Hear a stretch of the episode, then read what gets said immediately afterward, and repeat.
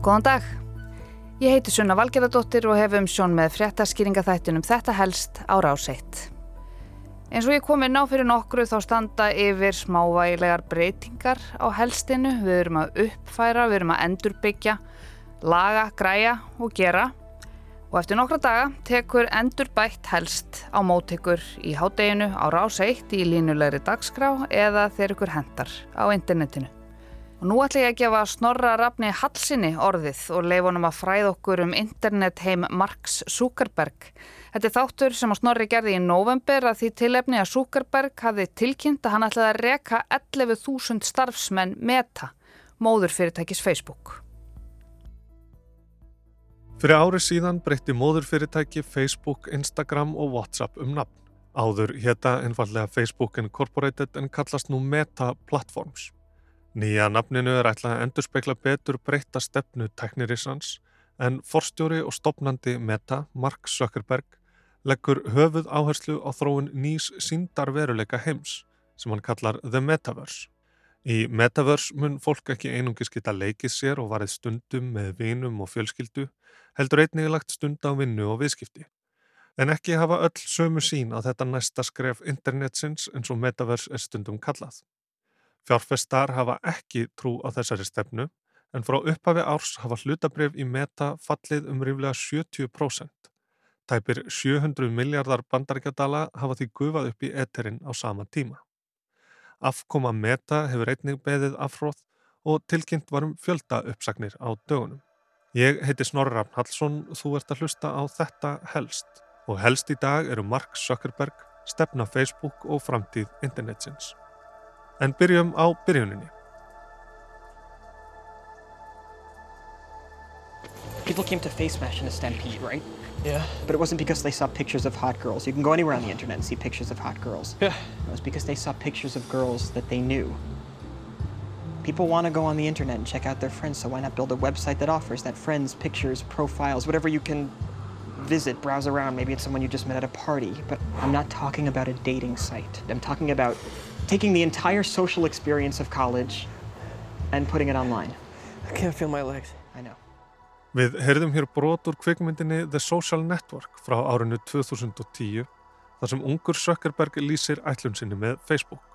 Kvikmyndin er dramatisering á upphafsárum samfélagsmiðla reysans Facebook og þarna snemma árs 2004 hofst Sökkerberg handa við að forrita frum útgafu Facebook sem átti að taka félagsreynslu háskóla árana og setja á internetið. Vinir, myndir, prófilar, við þekkjum þetta.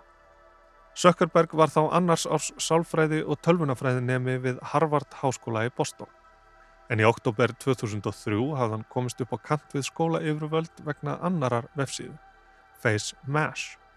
Á Face Mash hafði Sökkerberg sapnað saman myndum af samnefendum sínum og bauð gestum á síðunni að kjósa hver þeirra væri mest aðlagandi. Heitastur. Sökkerberg var gert að loka síðunni og gefið að söka hafa brotið gegn öryggisreglum, höfundarétti og fríðhelgi engalífsins. Allt atriði sem átt eftir að hrjá Facebook síðar meir. The Facebook fór í loftið þann 4. februar 2004 og var fyrstum sinn einungis aðgengilegt nefendum við Harvard en á aðeins einum mánuði hafði helmingur grunnnema við skólan stopnað Facebook aðgang. Nefndum við aðra háskóla þar vestra bauðst fljótlega að skrá sig á The Facebook. Viðtökurnar voru vægast sagt ótrúlegar, en vinsældirnar voru ekki síst tilkomnar vegna þess að á The Facebook voru engar auglýsingar. What are we celebrating? It's got 3 million users. 3 million users. Yeah. And how long has Facebook been around? Uh, not that long. A little more than a year. Like A little 15 more than a year. Þrjár miljónir notenda á innan við ári og það á meðan miðillin var enn takmarkaðar við háskólanema. Almenningur fekk ekki aðgang fyrir í september 2006. Síðan eru liðin 16 ár og hefur vöxtur Facebook verið upp á við nánast allan þann tíma. Virkir daglegir notendur eru nú 2 miljardar talsins, 3 miljardar ef taldir eru þeir sem skrá sig inn að minnstakosti einu sinni í mánuði. Í apríl 2012 festi Facebook svo kaupa á samkeppnisaðilanum Instagram fyrir 1 miljard dollara og 2014 bætti Facebook spjallforritinu WhatsApp í eignasafnið fyrir 19 miljardar bandargedollara. Þessi fyrirtæki mynda kjarna hins nýja Meta. En svo heyra má eru miklir fjármunir undir í tækniheiminum og undir stjórn Mark Zuckerberg varð Facebook á þessum tíma að nokkus konar peningaprentara. Það var ekki hægt að tapa á því að fjárfesta í Facebook sem hafði ráðandi stöðu í hennu nýja hægkerfi eftirlitskapitalismans. So, what is surveillance capitalism? So, it has long been understood that capitalism evolves by taking things that live outside the marketplace and bringing them into the market so that they can be sold and bought. Við heyrum hér í Shoshone Zuboff, professor við Harvard, sem hefur rannsakað og skilgreint raukvísi þessa nýja hagkerfis. Kapitalismi þróast, segir hún, með því að taka hluti sem standa fyrir utan markaðin og færa þá inn á markaðin, þar sem þeir geta gengið kaupum og sölum. Með kapitalisma innbyltingarinnar sem dæmi varð náttúran að landaregn og öðlind sem hægt er að kaupa og selja. Surveillance capitalism has claimed something from outside the market and brought it into the market to sell and buy. But in this case, the territory that it has claimed is private human experience. Eftirlitskapitalismin speklar þessa þróun, en í þessu tilfelli er svæðið sem egnarhald hefur verið lagt á persónuleg upplifun mannana. Markaðurinn hefur egnað sér persónulega upplifun einstaklinga til að kaupa og selja sem upplýsingar um hegðun þeirra. Það sem Suboff vísar hér til er hvernig Facebook og Google sem dæmi sapna upplýsingum um hegðun okkar á netinu, staðsetningu, aldur, kín og svo framvegis og beita háþróaðri tækni til að segja til um hvað við erum líkleg til að gera í framtíðinni. Þessar upplýsingar eru verðmætar því þeim á beita til að byrta okkur markvisari auglýsingar en nokkur sinni fyrr. Sér sniðnar til að hámarka líkurnar á að auglýsingin skili sér í smellum og að lokum kaupum á tiltekinni vöru eða þjónustu. Tekjur Facebook og Google eru að langstæstum hluta auglýsingatekjur og kjarnastarfsemi þessara fyrirtækja er því raun söpnun og úrvinnsla þessara personugagna.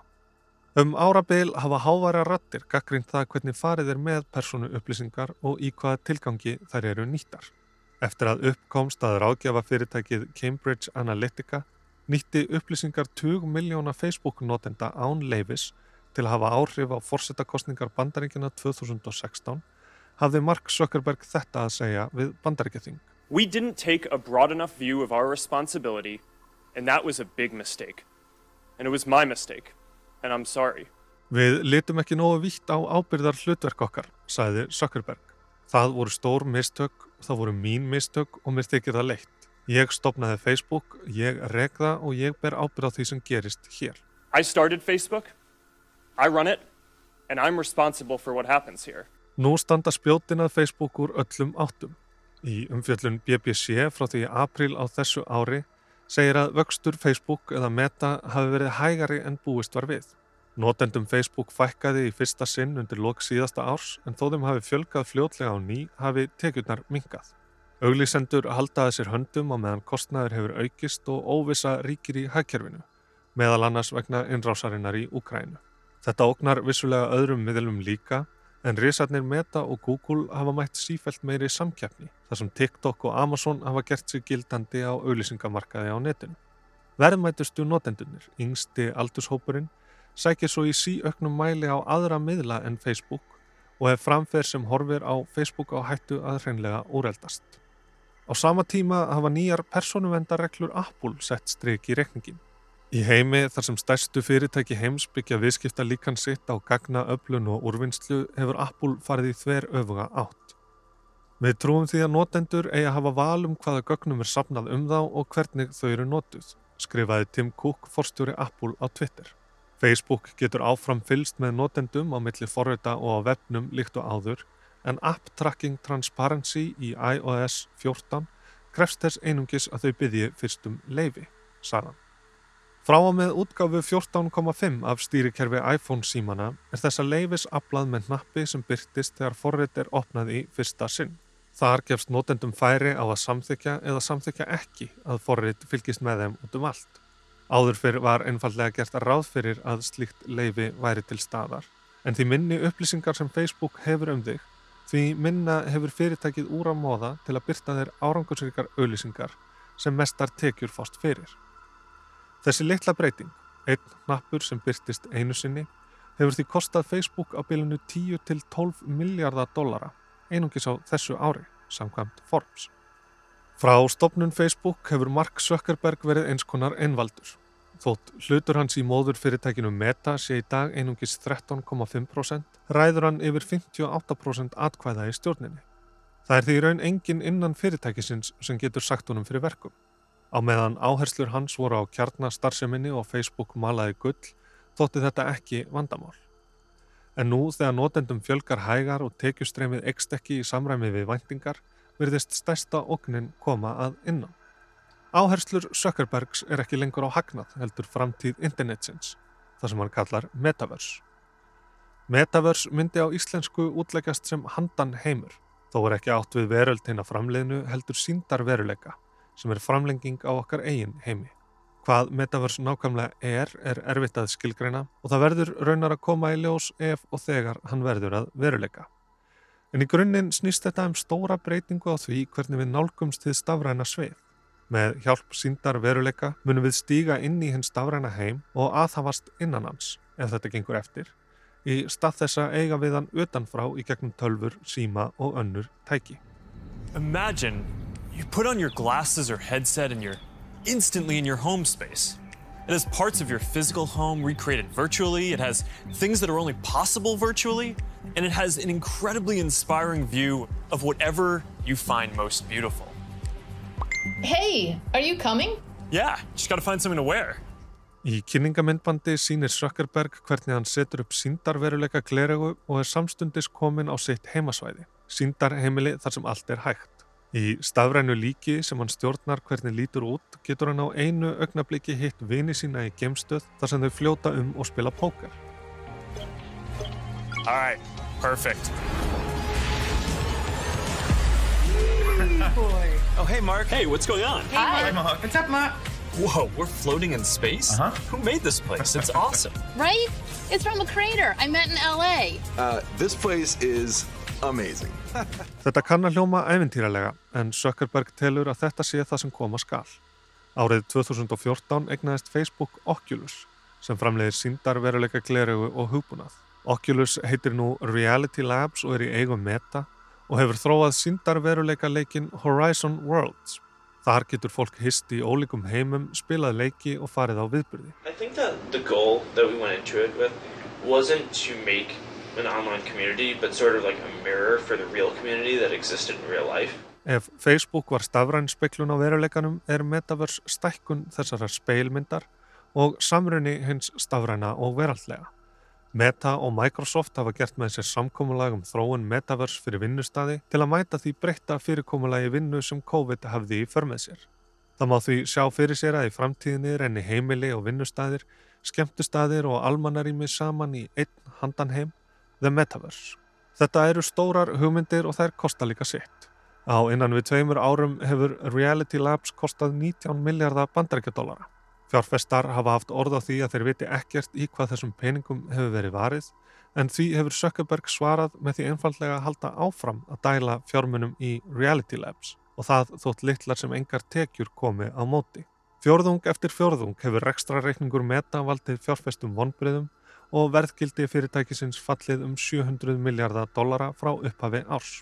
230 þeirra hurfu á einu bretti í februar mesta lækkun fyrirtækis á einum degi í sögu bandaríkjana. Í síðasta mánuði þurkuðust svo 80 miljardar til viðbótar út. Í gær greindi Wall Street Journal frá því að ráðist verði í fjölda uppsagnir hjá Meta frá og með deginum í dag. Starfsmenn fyrirtækisins eru 87.000 talsins en talið er að þúsundir muni missa vinnuna. Zuckerberg hefur gefið út að mest verði fækkað í ráðningar og viðskiptateimum Meta fyrirtækjana Forritararnir, fólkið sem á að skapa framtíð internetsins mun því líklegast halda vinnunni. Zuckerberg er einvaldur meta. Hann hefur þegar þjenað nót til að lifa í velistingum það sem eftir er og sjónarmið sem ráða stefnu Facebook eru ekki lengur hagnaðar sjónarmið. Zuckerberg hefur gjörbreytt heiminum einu sinni og virðist staðráðin í að ætla að gera það aftur. Þetta var Snorri Raffn Hallsson og internetið í helstinu. Ég heiti Sunna Valgerðardóttir og þakk ykkur fyrir að leggja við hlustur í dag. Við heyrum svo aftur á morgun.